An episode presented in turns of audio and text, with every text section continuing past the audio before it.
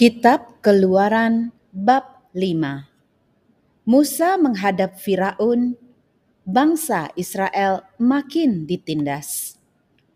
Kemudian Musa dan Harun pergi menghadap Firaun, lalu berkata kepadanya, Beginilah firman Tuhan Allah Israel, biarkanlah umatku pergi untuk mengadakan perayaan bagiku di padang gurun.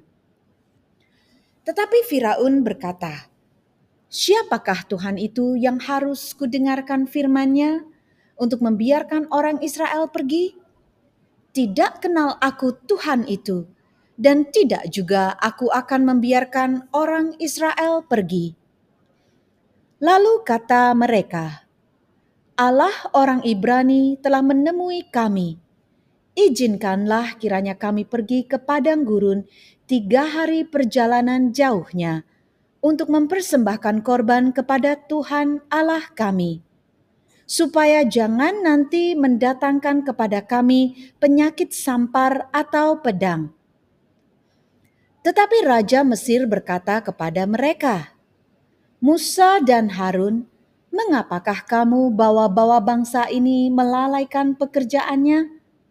Pergilah melakukan pekerjaanmu. Lagi kata Firaun, Lihat, sekarang telah terlalu banyak bangsamu di negeri ini. Masakan kamu hendak menghentikan mereka dari kerja paksanya? Pada hari itu juga Firaun memerintahkan kepada pengerah-pengerah bangsa itu dan kepada mandur-mandur mereka sendiri.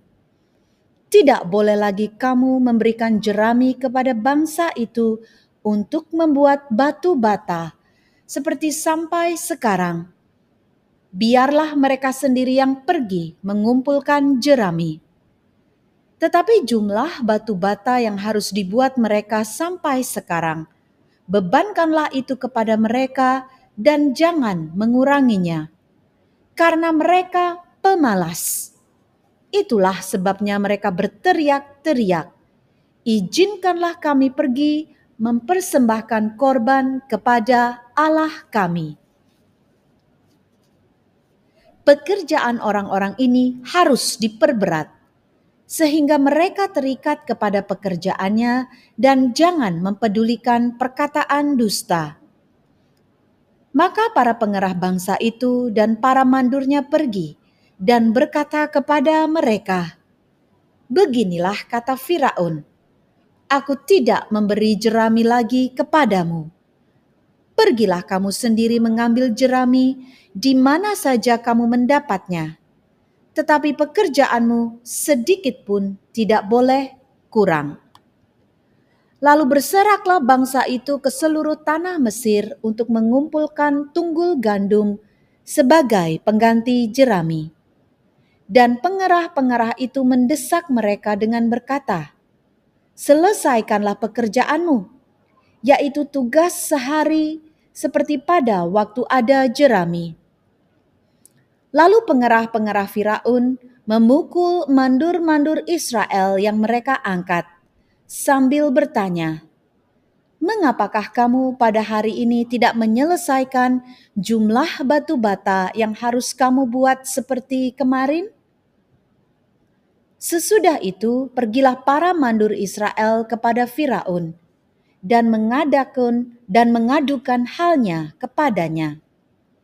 Mengapakah tuanku berlaku seperti itu terhadap hamba-hambamu ini? Jerami tidak diberikan lagi kepada hamba-hambamu ini. Tetapi walaupun begitu, kami diperintahkan buatlah batu bata.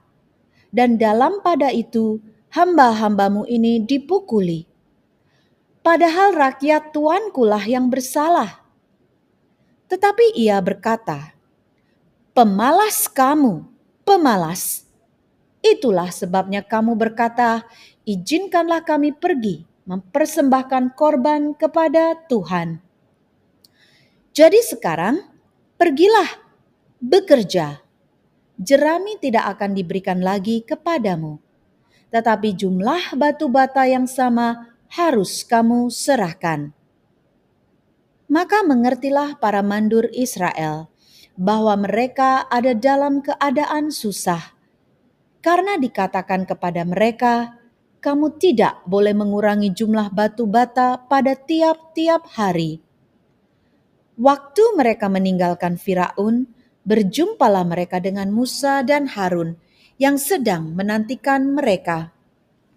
Lalu mereka berkata kepada keduanya, "Kiranya Tuhan memperhatikan perbuatanmu dan menghukumkan kamu, karena kamu telah membusukkan nama kami kepada Firaun dan hamba-hambanya. Dan dengan demikian, kamu telah memberikan pisau kepada mereka untuk membunuh kami."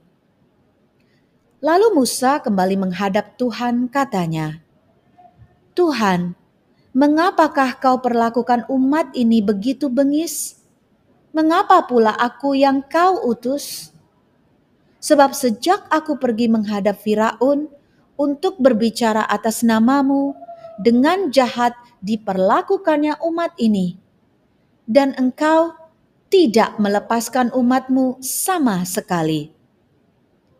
Tetapi Tuhan berfirman kepada Musa, "Sekarang engkau akan melihat apa yang akan kulakukan kepada Firaun, sebab dipaksa oleh tangan yang kuat, ia akan membiarkan mereka pergi. Ya, dipaksa oleh tangan yang kuat, ia akan mengusir mereka dari negerinya. Demikianlah sabda Tuhan. Syukur kepada Allah.